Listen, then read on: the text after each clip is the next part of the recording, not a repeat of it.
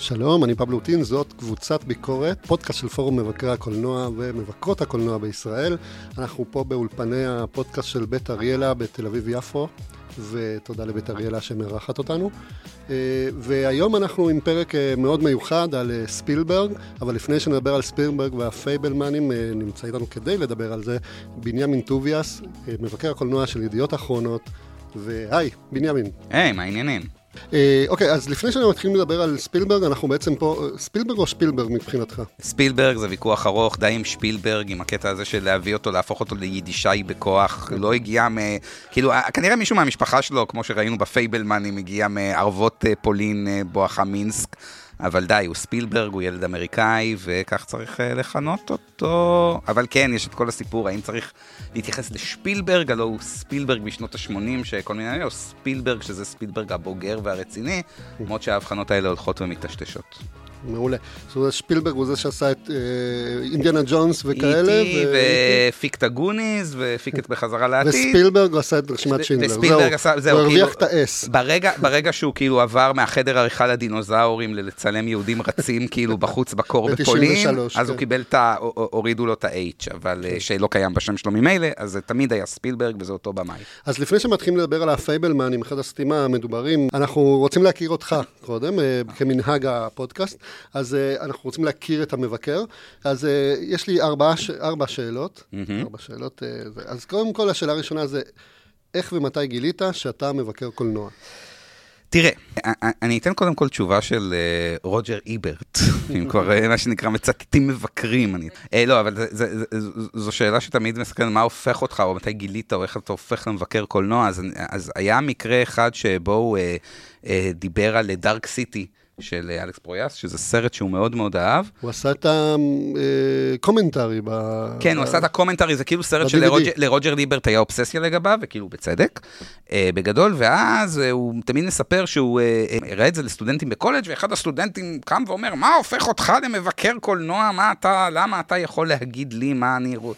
ואז, ואז הוא, הוא נתן, הוא אמר לי, יש לי תשובה שמחולקת לשתיים לך, ואז הוא אומר, כי עורך ה Chicago Sun Times בשם כן. מישהו מישהו רובינסון, כתב, כותב לי בצ'ק, אתה מבקר הקולנוע של Chicago Sun Times, זו התשובה האחת, והדבר השני זה, אם אתה מסוגל לעלות כאן לבמה ולתת עכשיו ניתוח של שעה על הסרט כמו שאני עשיתי, אז אולי תנסה להתמודד על המשרה הזו. זו תשובה מאוד אמריקאית, אבל אה, היא תשובה שאני אוהב, לא כי אני אוהב את רוג'ר איברט כמבקר בדרך כלל, אלא כי היא פשוט אומרת, בסוף, הייתי סטודנט לקולנוע והייתי מורה לקולנוע בבתי ספר, והייתי כותב בעיתון שכתב פה ושם קטעים על קולנוע.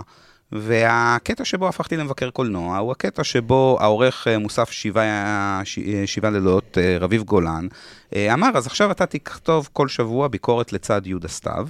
והביקורת הראשונה שלי הופיעה ב-2012 כביקורת, לדעתי זה היה לה סרט שקראו לו האדמה בוערת, סרט איטלקי.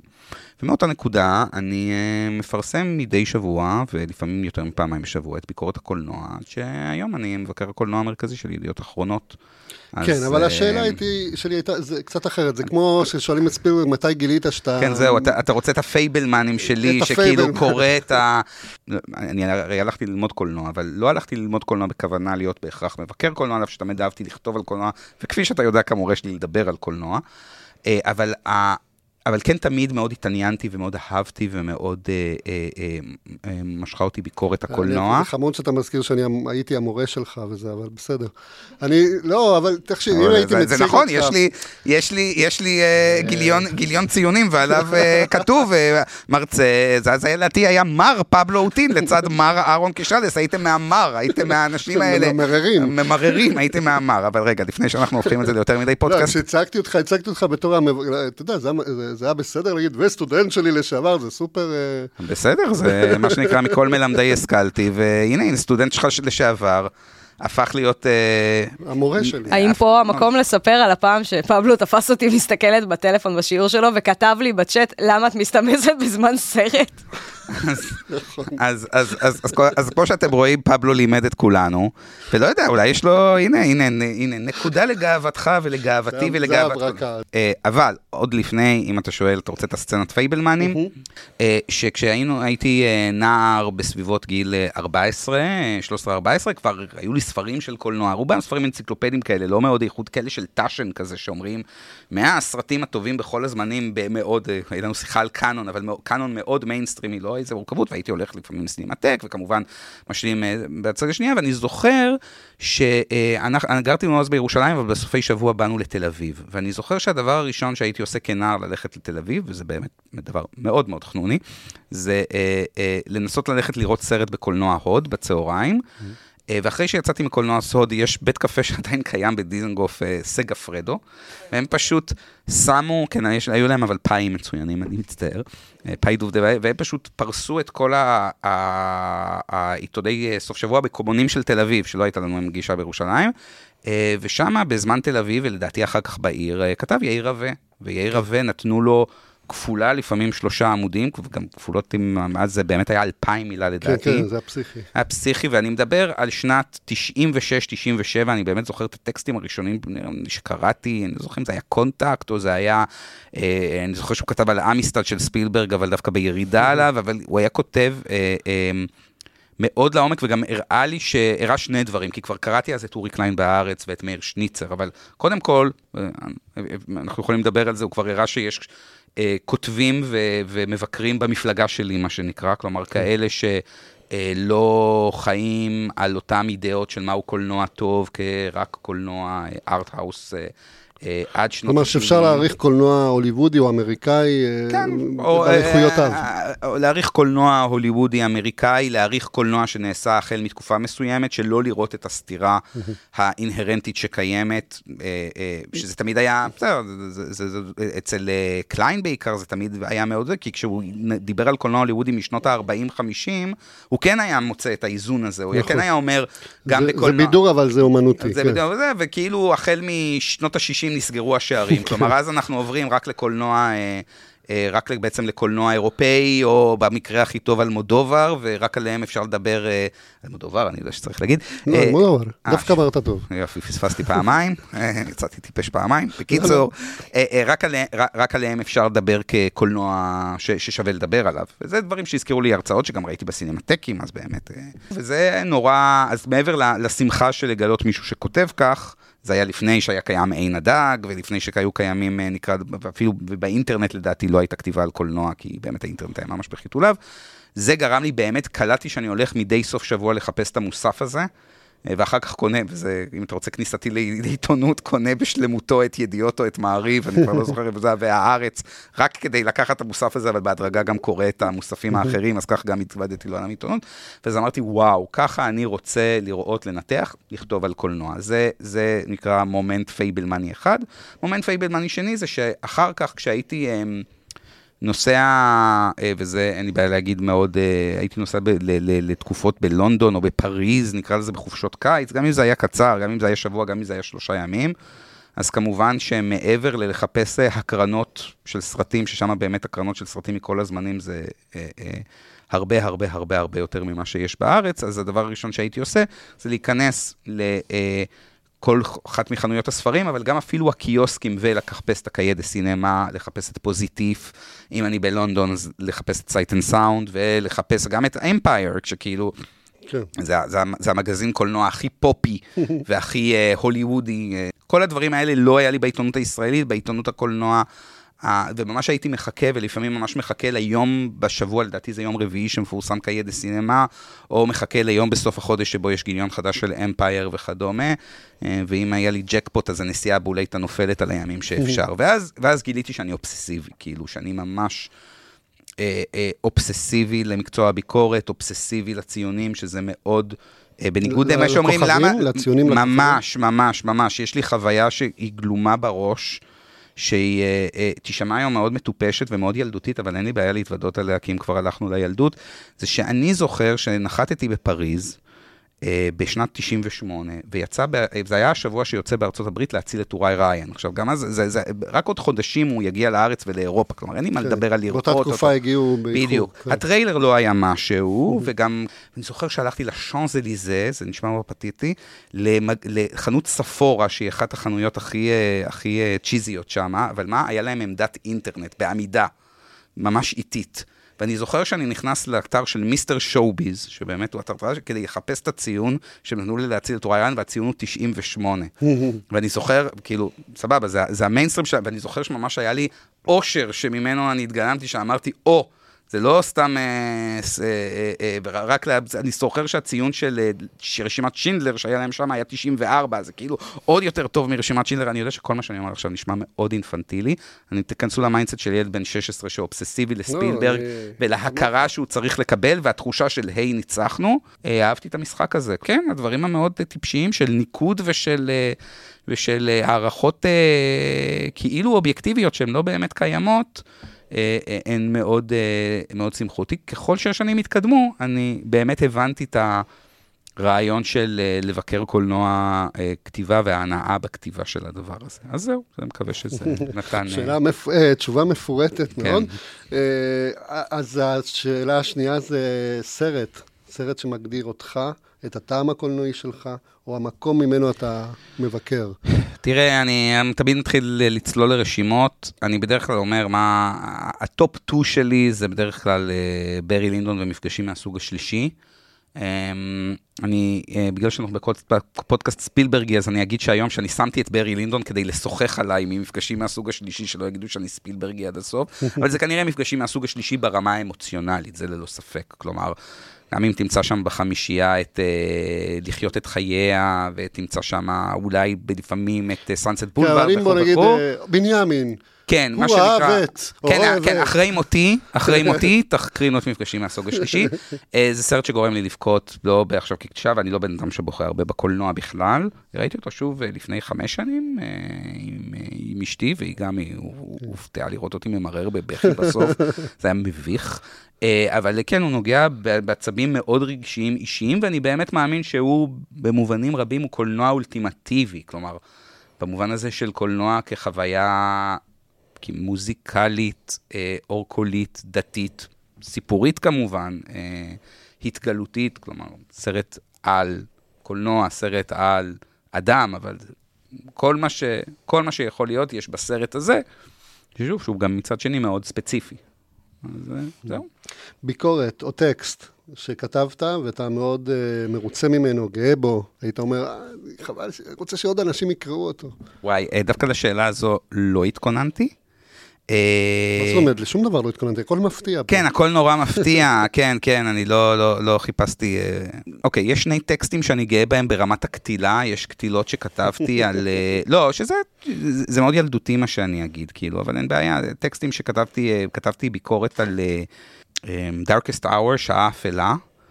שבו פחות או יותר, שזה היה כמובן, זה היה טקסט כאילו של קריאה של כל מה שלא בסדר בקולנוע היסטורי, שבעצם הוא תעמולה. ומבחינת טקסט שאני מאוד גאה בו, אה, ושגם חזרתי אליו אחר כך, פרסמתי אותו שוב כטקסט חיובי, אז אני אגיד שפרסמתי לפני עשור אה, טקסט על אה, AI כשהוא חגג עשר שנים. אה, ובמקרה חזרתי אליו אה, לא מזמן, זה היה ממש, זה היה בעצם לרשמית לפני שהייתי מבקר, אבל זה אחד הטקסטים שהכינו, ואני כן גאה בו, כי זה היה טקסט ניתוח קולנועי נכון וראוי וחכם. ברמה הסקלטנית היה הוא כמעט סרט אה, שהייתי אובססיבי אליו, כתבתי שתי עבודות סמינריוניות סביבו. והרציתי עליו וכל הדברים האלה, ואיכשהו אז באמת בטקסט בידיעות אחרונות לכתוב על סרט שלפני עשר שנים בטוח שרוב קוראי, קוראיו, קוראי לא ראו, וגם אם הם יראו הם כנראה לא ראו, ועדיין לעשות טקסט מלא פשן שמנסה להסביר למה הסרט הזה, כאילו, למה הסרט הזה שכאילו אה, העולם כולו נגדו, הוא, אה, הוא, הוא אה, הסרט, אני חושב שאני עדיין מאמין בזה, הסרט הטוב של המאה ה-21, כאילו, אני לא, אין לי, אין לי בעיה. לפחות הסרט שהרעיד אותך. כן, כן, אני, אני, עם כל זה שאני זוכר שיצאתי מהקולנוע והייתי צריך להגן עליו מפני חברים, כן. וכאילו, אבל, אבל אין, אין לי בעיה עם זה, כאילו, זה סרט כל כך נפלא. שאלה אחרונה, להכיר אותך עוד יותר טוב, מבקר או מבקרת קולנוע שאתה אוהב במיוחד? כבר חשפתי פה שיאיר רווה בישראלים, אה, על אף שאנחנו מוצאים את עצמנו לפעמים לא בהסכמה, אז אנחנו לפעמים הרבה פעמים באותה מפלגה. מאוד מודה לו שלדעתי הוא שחרר את הביקורת הישראלית בהרבה מאוד מובנים, כלומר גם כתיבה שהיא מצד אחד מאוד אישית.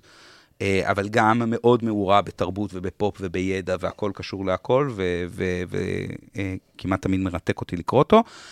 בכותב עולמי, אני אה, סטפן דלורם, שהיה עורך הקיידה סינמה, שהוא היה עורך קיידה סינמה לפני 10-15 שנה, הוא כבר לא שם, הם התפצלו שם, חלק גדול מהאנשים עזבו, אבל הוא מדהים, על אף ששוב, טעמו לא כטעמי, אבל אם כן. דיברנו על AI... אתה קורא אותו בצרפתית, זאת כן, אומרת, כן, אה, הוא אחד... רק דוברי הצרפתית יכולים לקרוא אותו, כי אני כן. חושב שיש לו... לקיידה סינמה יש איזה משהו מוזר שבמשך עשור, וזה אחד העשורים הכי טובים שלהם בתחילת שנות האלפיים, יש מהדורה אנגלית של הטקסטים שלהם, אז אני מפציר במי שנורא מתעניין, ללכת ולכתוב, הם מדהימים, כלומר מדהימים, כל מה שאומרים עליהם נכון, לא בקטע עכשיו של אה, תמיד אומרים גודר טריפו ושוכחים שם, אה, ואז באמת הוא הלך לאיבוד בשנות ה-70 המגזין, אבל משנות ה-80, אה, זה טקסטים ניתוחים קולנועיים, היכולת שלהם להאיר זוויות בקולנוע... אה, שאתה יודע, ואגב, ניהלנו שיחה על כאילו הסרטים הפחות קנונים, שאתה יודע, הם, אה, אני אומר את זה בכוונה, שהם נניח, אני אגיד, גילו את טרנטינו ב Death Proof. כתבו טקסט נלהב על Death Proof, כאילו,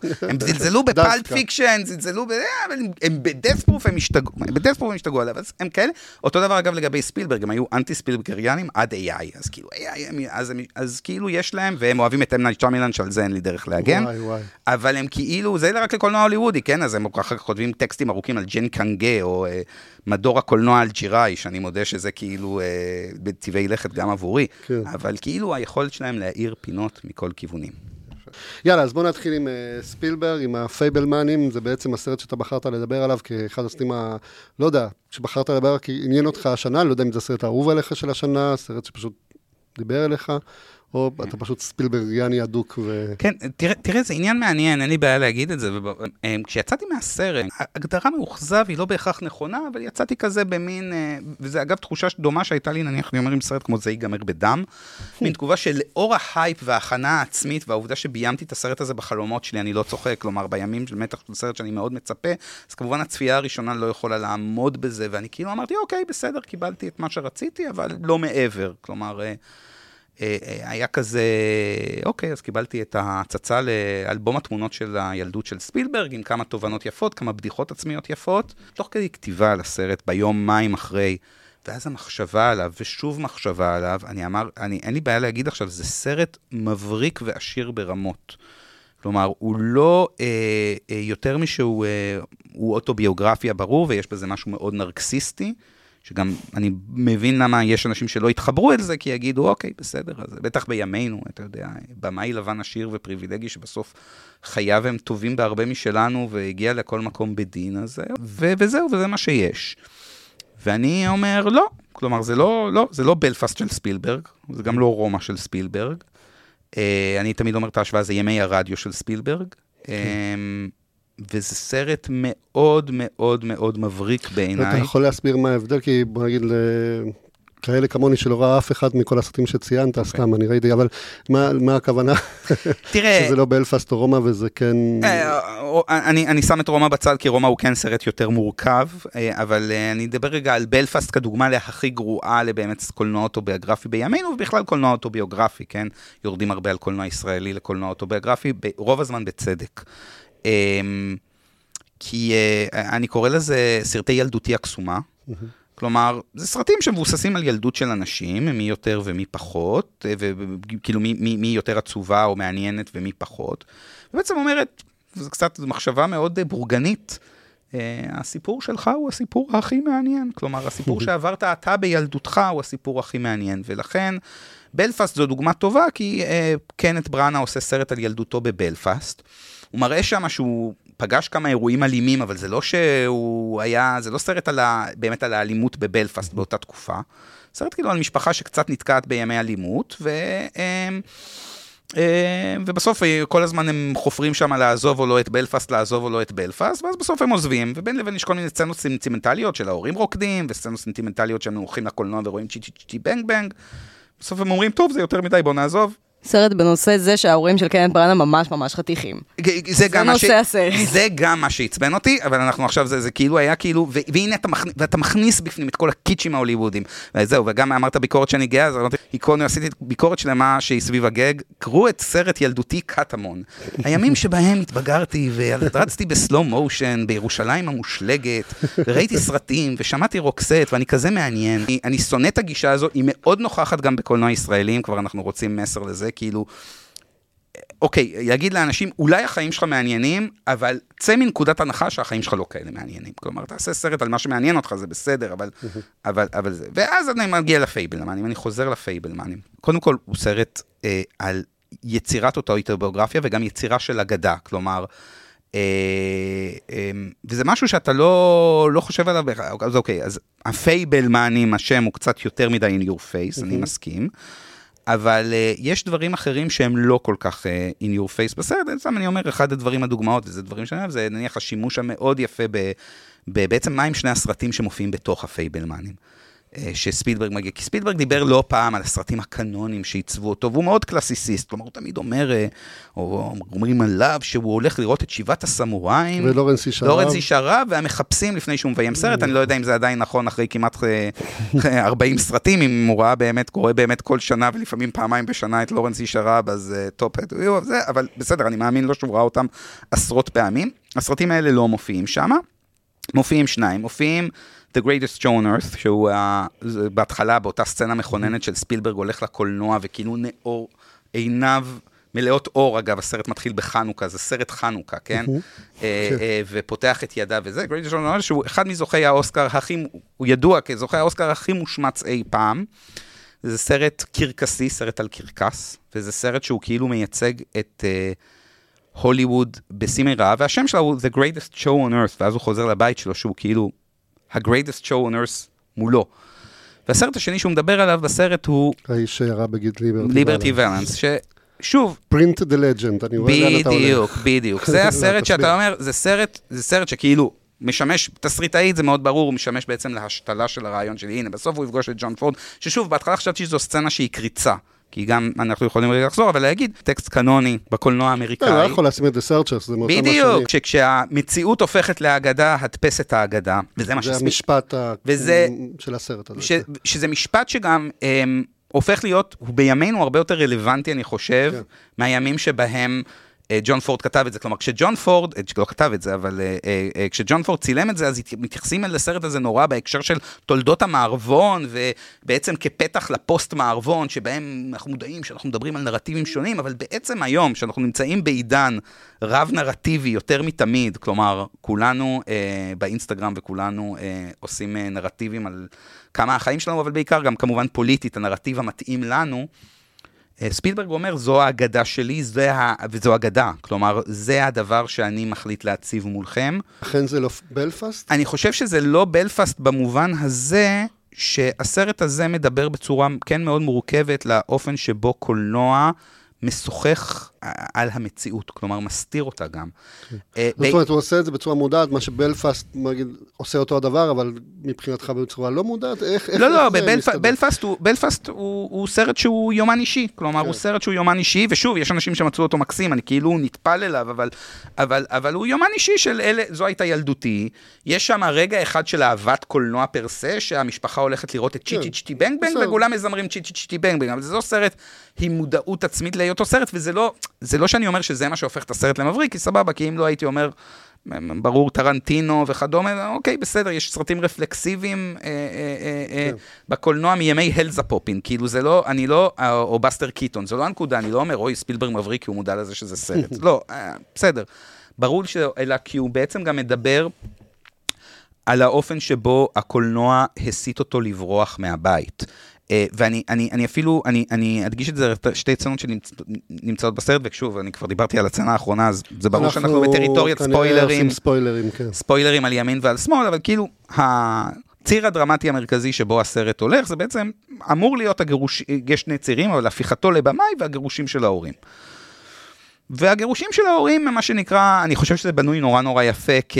כ ה, ה, ה, בסוף, בהתחלה יש מידה של הרמוניה, אך מתח לבעצם ההיפרדות, ואז מגיעים לסצנת השיא של ההיפרדות, שהיא בעצם סצנת הילדים בוכים, הורים אומרים, אנחנו צריכים, אה, אנחנו מתגרשים, כן. היו שלום. ו, והסצנה הזו היא מעניינת, כי היא מבוימת מאוד בריחוק. נכון. ומה שקורה בסצנה הזו... היא אנטי מלודרמטית, למרות שיש אה, הרבה כן, כעס אבל, ויש... אבל, אבל המלודרמה, ושוב, אפשר להתווכח גם על העניין, אבל המלודרמה היא של האחיות שם, מה כן. שבעצם שהם כאילו, הם, הם דמויות שנלחקות, והנבו וספילברג, הדמות של ספילברג, סמי, אגב, סמי גבריאל לבל, אה, יש רגע ששוב, הוא מאוד לא אופייני בקולנוע של ספילברג, שבעצם אה, הוא כמובן רגע בדמיון, שבו הוא לוקח את המצלמה, הוא כאילו לא שם, הוא מסתכל על האירוע מהצד. ואז הוא לוקח את המצלמה ובעצם מצלם את האירוע, ואז הסצנה נגמרת במין דיזולף כזה. וזה דרך נורא יפה, עכשיו זה ברור מה קורה, עלילתית זה ברור שקורה שזה לא קורה, כלומר הוא לא באמת מצלם את הרגע, אבל זה מה שהוא היה רוצה לעשות. כלומר, הוא בא ואומר, הדרך היחידה שלי להתמודד עם מה שקורה, היא לצלם, להפוך את זה לקולנוע, להפוך את זה לסרט. וזה מה שאני יודע לעשות ואני לא יודע לעשות. עוד סצנה נהדרת, שהיא שוב, היא מהסצנות, בעיניי סצנות זה באמת אותו ויכוח מול בריון תיכון. אה, שכאילו, שוב, אתה, אה, כשהגענו למערכה השלישית, כשמגיעים למערכה של, של הסרט, ש... שהוא בקולג'. זה לא בקולג', בתיכון, בתיכון, שהם בתוך כדי צפייה לא הבנתי למה אני צריך את זה. כלומר, אמרתי, מה, ספילברג רוצה להגיד לנו שהוא יהודי והוא זכה למכות בבית ספר? boo fucking hoo, כאילו, אני, אני, אני, אני, אני כאן שוב, אני אומר, אני, זה, זה המקום שהתעוררה אצלי העוינות הבלפסית. כלומר, אמרתי, אוקיי, אז עכשיו הוא היה בבית ספר יסודי, ראינו את הקטע היפה שהוא נפרד בעצם מסת' רוגן, נפרד מאריזונה, הלך זה, בוא תסיים את הסרט, או תקפוץ לקפוץ לאירוע הזה. לא צריך לראות איך, איך בבית ספר אחר פחות הסתדרת, היית גם חנון והכו אותך אנשים. אוקיי, בהתחלה לא הבנתי למה צריך נכון. את זה. ואז הוא מהר מאוד, מעבר לעלילת משנה על נצרות אהבה. ויהדות וישו, שאפשר לדבר עליה, שהיא גם מצחיקה מאוד, אבל היא, היא לא המרכז הלב של הסרט, מגיעה בעצם ה... היא הלב, היא לא הראש. אני לא יודע, אוקיי, בסדר. אפשר, אפשר, אני, אני, הגיע שם ברק בעצם בהתמודדות עם אותם בריונים, שלמה זה מביא לפואנטה? זה שהוא עושה סרט בעצם, שהוא מה שנקרא סרט בהזמנה, סרט הוליוודי, כלומר, את הסרט של יום ב... אהבתי גם את מה שהוא עשה, כי כאילו, בים. זה, זה סרט גס, זה אמריקן פאי, כלומר, זה ברור שאני מאוד, אני מאוד... ציפורים מחרבנות להם בתוך הפה, וכולם צוחקים, כלומר, הוא מגיש להם את מה שהם רוצים, כן. והוא מציג את אותו בריון כאל יווני, והוא מודע לו כל כך לזה שזה זיוף. אבל אין לו בעיה עם זה, ו- ואותו בריון תופס אותו, ואומר לו, למה עשית את זה? כי ברור שהבריון מתמודד עם בעיות משל עצמו, ושהוא לא יכול לעמוד בסטנדרטים, למה עשית לי את זה? הוא חושב שהוא עשה את זה בנבזיות. שכאילו הוא לקח את, הוא הגזים, הוא הפך אותו לאל מושלם, לאיזשהו מיתולוגי. הוא הפך לאל מושלם. שהוא לא יכול לעמוד בסטנדרטים של מה שהוא רואה על המסך. ואז הוא, אומר, ואז הוא אומר שני דברים ששוב הם נורא חושפניים כלפי ספילברג. הוא אומר, איך אומר, אחד, אני לא יודע, I should have my head examined. כלומר, הוא אומר, יש שם תסביכים וזה, אני לא יודע לפתור אותם מעבר ללעשות את זה בקולנוע. והוא אומר תשובה שהיא לכאורה נורא אכזרית, הוא אומר, אני לא יודע למה עשיתי את זה, אולי זה פשוט היה טוב לסרט. כלומר, הוא אומר לאיש הזה, אני יודע שאתה מטומטם ולא שווה את זה, אבל אני השתמשתי בך, ואז יש את התשובה הכי אכזרית, שהיא כאילו הבדיחה הרפלקסיבית הכי טובה, זה שהוא אומר לו, אותו בריון אומר, בחיים אל תספר על מה שקרה כאן, כן. והדמות אומרת, אני מבטיח לך, אלא אם כן אני אעשה על זה יום אחד סרט, כן? שזה כמובן ברמה הרפלקסיבית. ש, ש... לא, אבל הוא אומר, יום אחד אולי אני אציב את זה בתוך סרט שלי, שכמובן באותו רגע זה גורם לך לחשוב כן. על יושב לו אדם בארצות הברית בבית אבות בוויסקונסין, בן 75, איזה כן. שחקן פוטבול לשעבר, שמאז הפך להיות איזה לוזר, רואה את הפייבלמנים ואומר, אני רוצה לרצוח את החנון הזה, הוא הפר את ההבטחה שלו, אם כמובן הסצנה הזו היא אמיתית, אבל זו סצנה שהיא כל כך אה, אנושית, חכמה, רגישה, גם לגבי האופן שספילברג מודע לאופן שהוא מנצל את המציאות לצרכיו, גם בסרט הזה, ומנצל הכל כדי לספר את האגדה שהוא רוצה והסיפור שהוא רוצה. מה ש... אה, כן. ואני מודה שיש בזה אושר. שהוא אושר קולנועי, ששוב, אני, אני, אני לא, לא עולות לי הרבה יצירות, אה, בכלל בשנים האחרונות גם יצירות אוטו-רפלקסיביות עם אותו האושר, כלומר, אני, אני יודע... אה, אבל הבעיה שלי כן. זה שיש אה, דברים מאוד מאוד אפלים בדברים, והוא לא נותן להם מקום. הרגשתי שאני, קודם כל, אני מאוד בעד הסרט, אני אהבתי אותו, התרגשתי וזה. Mm-hmm. היה לי, אחר כך אני אגיד את הדברים המדהימים שאני חושב שהוא עושה עם קולנוע, כי כל, כל הקטעים שהם הוא מדבר על מה זה קולנוע, ואיך קולנוע משתלב בחיים, בפסיכולוגיה שלו, בחברה, בכל...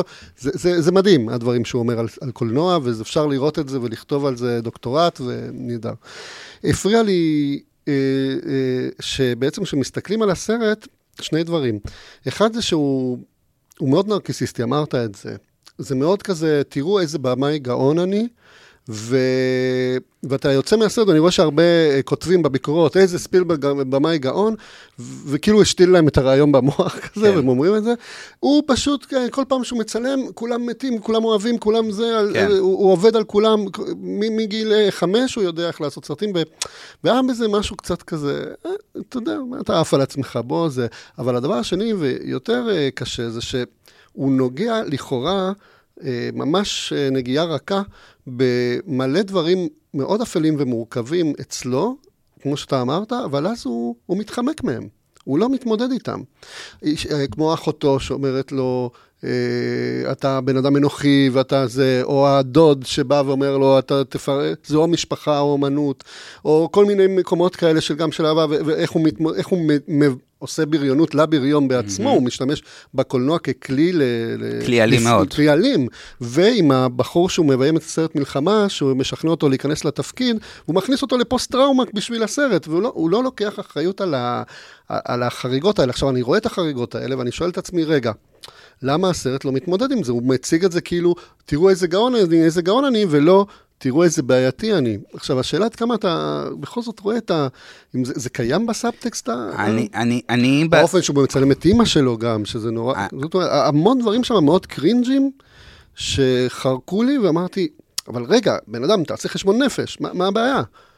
אני, אני, אני מרגיש שזה מאוד בסרט, כלומר, זה כבר עניין, עניין שזה, בגלל זה גם כן, כן. דיברתי על הסצנה, כלומר, כל הדברים, אני מתייחס לחלק השני, אחר כך מזה להגיע לנרקסיזם, קצת תמיד עם ויכוח עם ספילברג, אני מרגיש מה שנקרא את רוחו של אורי קליין מאחורה ואומר וספילברג, אה, לא שאתה זה, אבל לצורך הוויכוח תן לי להתווכח עם זה של ספילברג אינו יכול, אינו מסוגל. הוא מאוד, בלינקולן הוא עשה את זה, ב-AI הוא עשה את זה, הוא במאי מאוד אפל ספילברג. כאן אני מרגיש שהוא עושה את זה בצורה מאוד חזקה, אני אגיד אפילו אגב AI, ההשוואה אם יש שנקרא זה, זה מאוד שם, כלומר כמו שתמיד אומרים הסוף של AI, אם אתה רוצה הספור של AI, כאילו happy end, לא, זה לא, סוף אדיפילי פסיכי. עכשיו, אותו דבר אנחנו יכולים לדבר על סצנה שהיא בסוף, הסצנה הכי דומה היא בעצם סצנה האימא הרוקדת, מישל וויליאמס הרוקדת, שאתה יודע, כאילו נראה לי יותר, להדגיש את הקרינג'יות מעבר יותר, שמדליק סט רוגן את האורות ונותן לה לרקוד, והיא אישה פגועה, אני לא יודע אם פגועת נפש, אבל היא אישה פגועה שנמצאת באיזשהו... במצוקה, כן. במצוקה כן. רגשית, והיא רוקדת.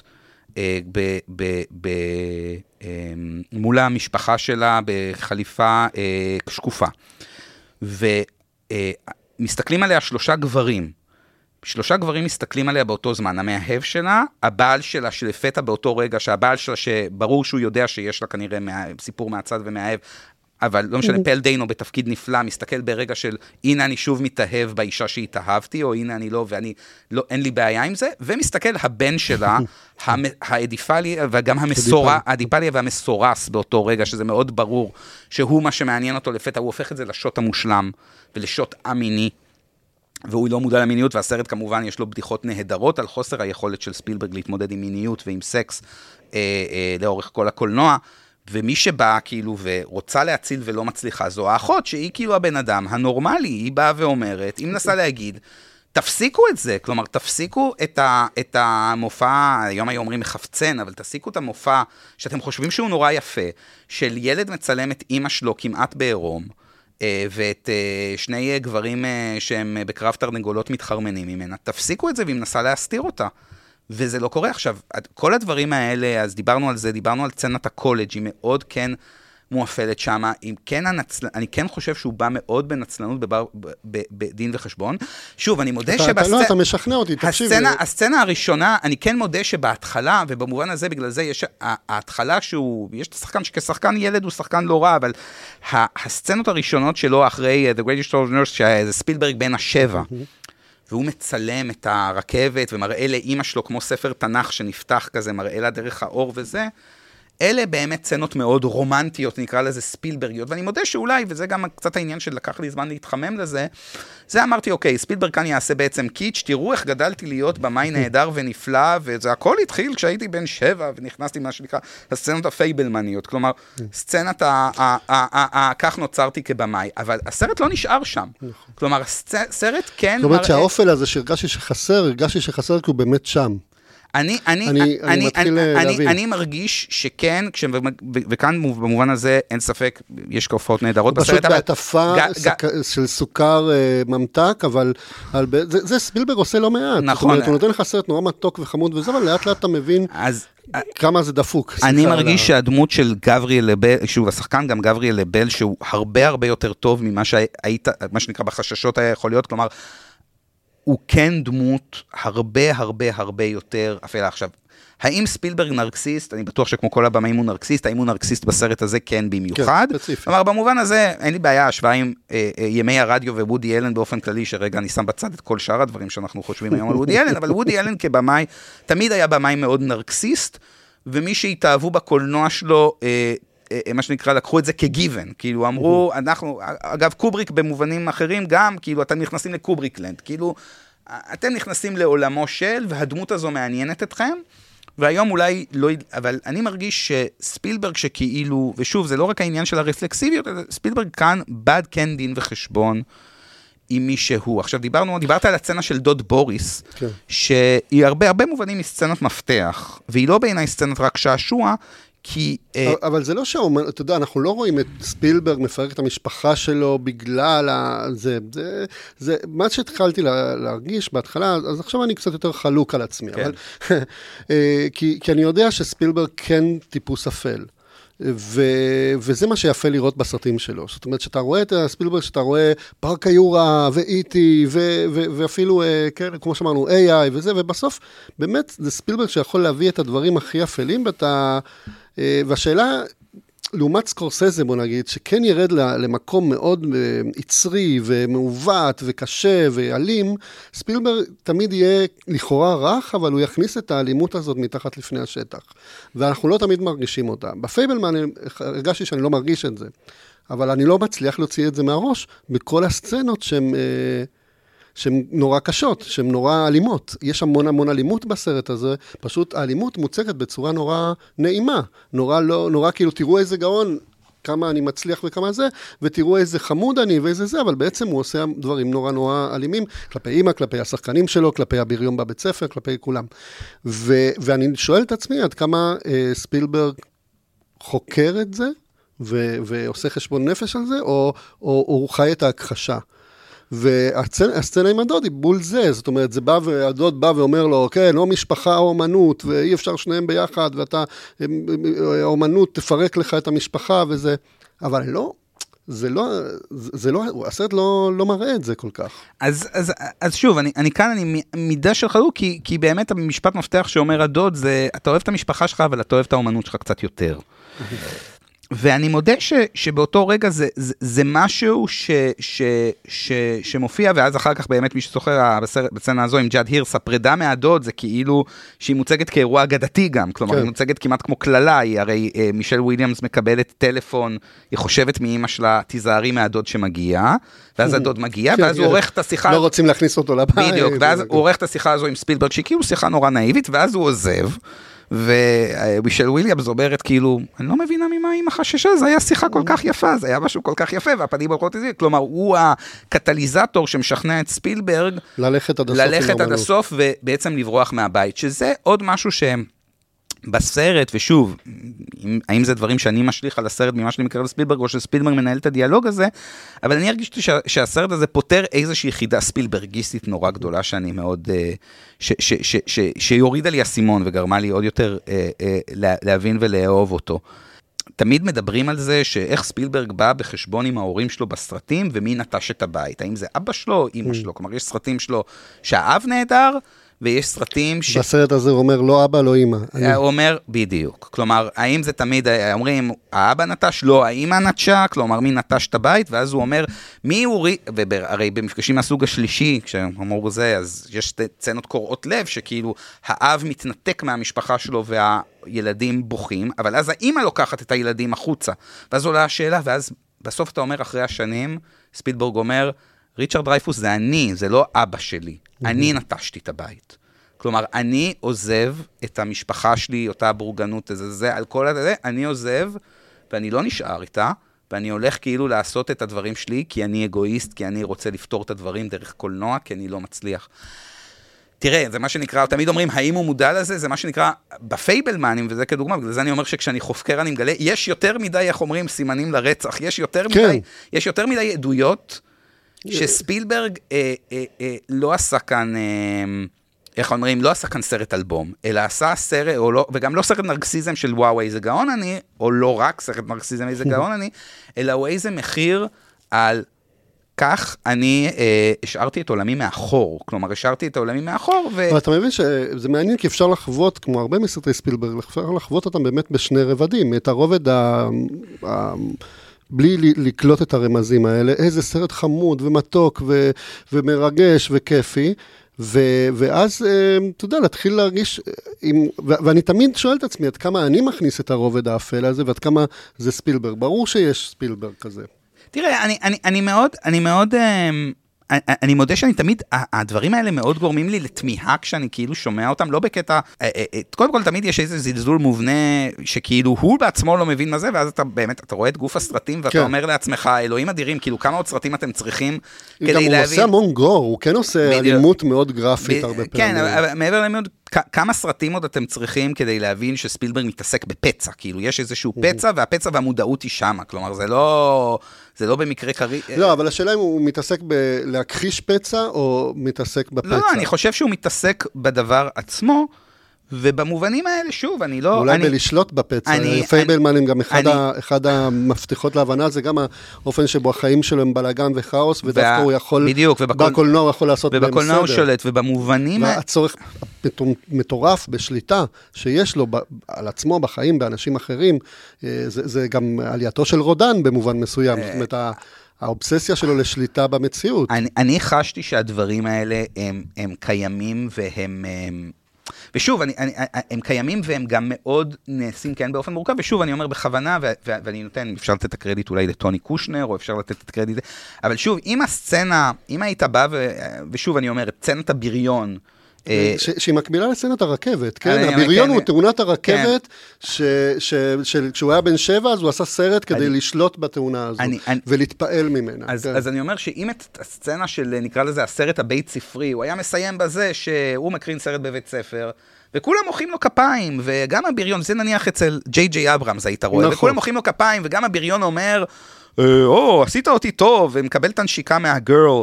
ואז אתה בסדר, אתה בסדר, והסצנה הבאה, ספילברג בהוליווד, מביים את מלתעות, סוף. אמ, אז הייתי אומר, סבבה, נכון. מה שאתם אומרים, זה סרט כאילו good feel good, הולדתו של במאי, כמו הולדתה של אומה, הולדתו של במאי, ויאללה ביי, וסבבה, אבל לא, ספילברג... יש איזושהי אנטי קליימקס ממש חזק בסצנת ה... ואני אגיד עוד משהו, תמיד מאשימים את ספילברג, ושוב, מבחינת דקות של סרט, שהוא מעריך סרטים וסופים שלו לצורך. עכשיו, זה מצחיק, כי ספילברג, בטח בסוף כבמאי הוליוודי הוא אמור להכיר את זה, אבל כן, ספילברג כמעט לא עושה סרטים בני שעתיים, וכמעט לא עושה, כאילו, הוא כמעט לא עושה סרטים, אה, תמיד הסרטים שלו יש בהם איזו התמשכות והתדלדלות והתבלבלות בסוף. בעיקר ב-20 שנה האחרונות, ואני לא חושב שזה שכי הוא שכח את עקרונות התסריטאות. הוא תמיד רוצה להסביר עוד משהו, הוא תמיד רוצה נכון. להגיד עוד משהו, וזה אגב הופך את הסרטים שלו להכל פחות פופולריים. יש לו תמיד איזה אפילוג נוסף, גם בשינדלר. לא, וגם גם AI, שזו הדוגמה הכי טובה, כן. AI זו דוגמה טובה, שהיא כאילו הדוגמה הניצחת, שאומרים, היה יכול לסיים את הסרט בהצפת העולם, והוא נשאר שם, מסתכל על אימו לנצח, יש מונולוג נורא יפה של בן קינגסלי, ואז יש את ה... ואז עברו אלפיים שנה. עכשיו, שונאי הסרט שהיום הם מה שנקרא פחות מתאימים, חושבים שזו איזושהי טעות. ספילברג המפגר לא הבין שהוא צריך לסיים פה את הסרט, ולא יודע למה הוא היה צריך את זה, וכמובן שכאשר אתה רואה את הסרט בדיעבד, זו הפואנטה של הסרט, זו ה... בשביל זה הסרט הזה קיים. אז אותו דבר, אם אני אומר, הסצנה בתיכון כזעיר אנפין, אתה צריך את ה... את ה... בסדר, יש לו גם את לינץ' אחר כך. נכון, שגם, אה, לינץ', שגם לינץ', וכאן אני אומר, בניגוד לדברים האחרים שככה אמרתי נורא בנחרצות, כאן אני ככה לא מסויג בגלל ה... אני, אני כאן אומר, אה, יש שתי דרכים לפרט את הצנה, האחד כאפילוג מצחיק. כלומר, את הסצנה הזו ש, שהוא הלך ופגש את ג'ון פורד, ופורד אמר לו את העניין הזה עם האופקים, כן. אה, אז אה, הוא סיפר מיליון פעם, כלומר, מי שמכיר את האנקדוטה מכיר אותה, כאילו היה יכול לביים את הסצנה הזו בעצמו. אה, וידענו שדייוויד לינץ', שזה מגניב, מגניב, ספילברג מתחיל בהוליווד, הנה ג'ון פורד, ויאללה, יאללה בני, זה כמו סצנת, זה כמו סצנת post credit במארוול, כן. כאילו מגיע סמואל אל ג'קסון ואומר, לקחתי אותך ל directors initiative, כלומר הנה הדמות, והצטרפו אלינו בפעמים הבאות. אני תוהה, וכאן אני פחות נחרץ, האם הוא הוסיף את זה רק כקריצה, ותראו איזה מגניב, והסרט כמובן מסתיים בזה שהוא מזיז את המצלמה, מזיז את המצלמה למעלה. עוד או, רגע רפלקסיבי. או, או שזה דרך שלו לבוא ולהגיד, אוקיי, מה שג'ון פורד אמר לי, זה מה שבאמצע משעמם. כלומר, מה שקורה, מה שאתה רואה באופן פשוט זה משעמם. תזיז את המצלמה למעלה או למטה, תראה את זה בזה זה זה, ואז אתה יכול להצדיק, כלומר, ככה תבנה את האגדה. עכשיו שוב, כאן אני... יש כל כך הרבה דרכים לפרש כאן, את זה. בדיוק, כן? כאן, זה... אני לא, כאן אני לא מכריע, ואני רק אומר זה ש... גם השמיים והארץ, בדיוק, וגם אני, הנמוך אני, והגבוה. לא, אז, כן. אז כאן אני לא מכריע, ואני אומר, יכול להיות שהסצנה הזו הסתיימה, ובאמת לאף אחד אין בעיה עם הסצנה הזו כקריצה נחמדה, ווואו, ספילברג הביא דיוויד לינץ'. היא גם מעניינת מה שיש להגיד. כן, על, כן. כן. אה, אה, כשיעור קטן בקולנוע בין חמש דקות, היא זורמת, היא כיפית, היא מצחיקה. אה, אבל היא אפילו אולי גם תורמת לדבר הזה, ושוב, אני, אני, אני, הדבר היחיד שנשאר זה שאני אני לא אומר שבהכרח הפייבלמנים, לפחות כרגע, הוא סרט גדול. במובן הזה, הוא הסרט שהכי אהבתי השנה, אבל אני קצת מרגיש לא בנוח לשים אותו במקום הראשון, אין לי בעיה להגיד את זה. כלומר, שנה שעברה שמתי את West Side Story במקום הראשון, והרגשתי שאני, הרגשתי לגמרי שלם, כי, כי West Side Story, אני יודע שיש אנשים שלא אוהבים אותו, אני, אני, אני, אני לא אהבתי את הסרט. אז זהו, אני, אני הרגשתי, הוא באמת האופרה שהוא, כלומר, הוא סרט שנעשה עם, אתה יודע, אה, כעס וזעם על מה שקורה באמריקה היום וכדומה וזה. ופייבלמנים הוא כאילו, למרות שהוא שעתיים וחצי, הוא בהגדרתו סרט קטן. בגלל זה אני אומר ימי הרדיו, כאילו, זו באמת ההגדרה הכי נכונה שיש לי. כלומר, יש בו משהו שהוא בכוונה אה, נשאר בדלת אמותיו. אה, אם אנחנו מקבילים לסקורסזה, למרות שסקורסזה זה עניין של סרט ראשון, זה Mean Streets. כאילו, זה, זה, זה כמעט, אה, או, או, או אני אלך אפילו על כיוון אחר, אה, אה, אה, שיגעון של לילה. כלומר, יש משהו, הסרט כאילו שהוא לא ה magnum opus, הוא לא ה Taxi Driver, הוא לא E.T., הוא לא AI, הוא לא לינקולן. אלא הוא ההערה הצדדית, הערת השוליים על הקריירה שלי. אה, אבל הוא מדהים. אני לא יודע, אני דווקא, אחרי השיחה הזאת, אני אוהב אה, את הסרט הרבה יותר. או, אז כבר, כבר, לא, כבר, לא. כבר עשיתי את שלי. אני אהבתי אותו מלכתחילה, ומאוד, בכלל לא דיברנו על מה שיש לו להגיד על קולנוע, מבחינת כן. היכולת התמודדות הקולנוע עם המציאות, הקולנוע עם הסביבה, לתקן את העולם, אה, להציל אותך מעצמך. אבל כל סצנה, כל סרט שהוא מביים, כל רגע שהוא עושה, אומר משהו יפה על, על מה הקולנוע בשביל ספילברג ומה הקולנוע בש, יכול לעשות בשבילנו. אה, אבל עכשיו, כשהערת, לא יודע למה אני מעדיף את הקולנוע האפל יותר, הפסיכולוגי, החשבון נפש העמוק, יותר מאשר סתם קולנוע כיפי, אבל אני חושב שהתעתוע הזה שספילברג עושה תמיד, ולא תמיד, אבל הרבה פעמים, ושגורם להרבה אנשים להרגיש שהוא במאי שטחי, ושהוא במאי כזה סתם מסחרי, ו, והסרטים שלו אני חושב שלא, ש, שאנחנו מפספסים, ש...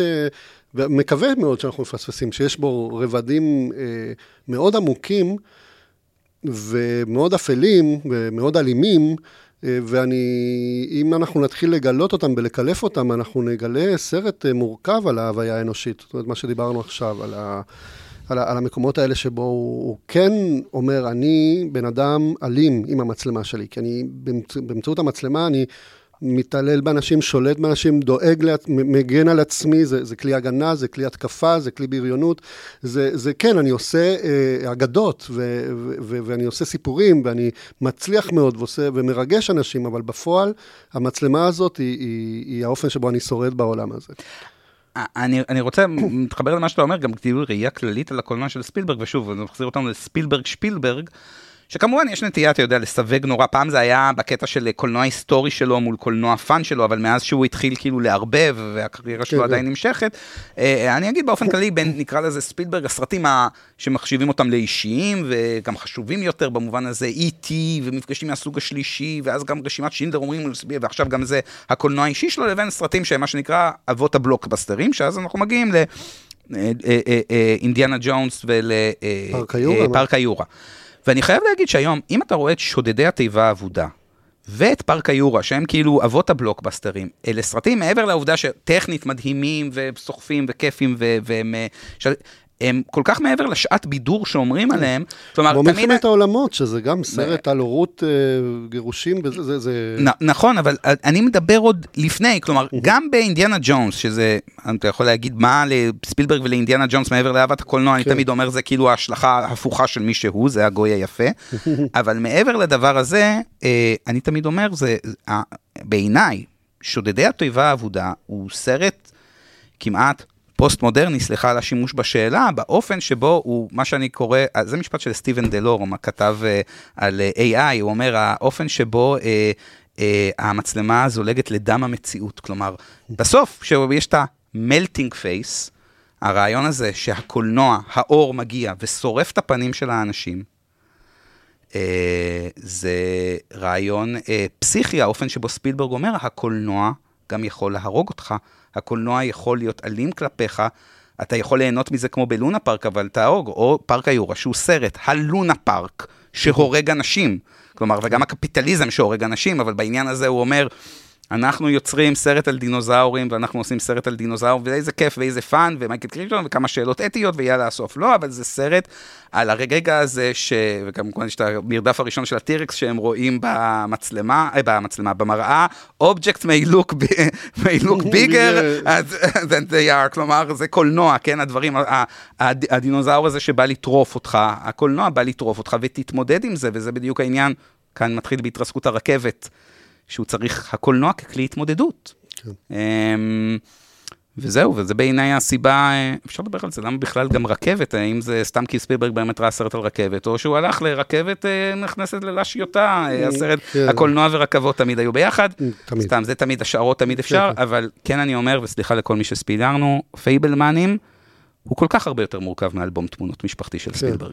זה באמת באמת אחד הסרטים שעוסקים בקולנוע בצורה מאוד מעניינת, מה של האיש הזה שהקדיש את כל חייו לקולנוע, ומסתכל על, וכל הזמן עסק בקולנוע, מסתכל על, ה, על, ה, על הילדות שלו, אבל מנסה לדבר איתנו על מה המשמעות של קולנוע בחייו. ו, ובחיינו. אז תודה רבה, בנימין. אני רוצה להגיד גם תודה לבית אריאלה שאירח אותנו, הספריית בית אריאלה, אולפני הפודקאסטים בתל אביב-יפו. תודה לנעמה רק שהיית פה, והקלטת אותנו. ייי. ותודה, בנימין. תודה לך.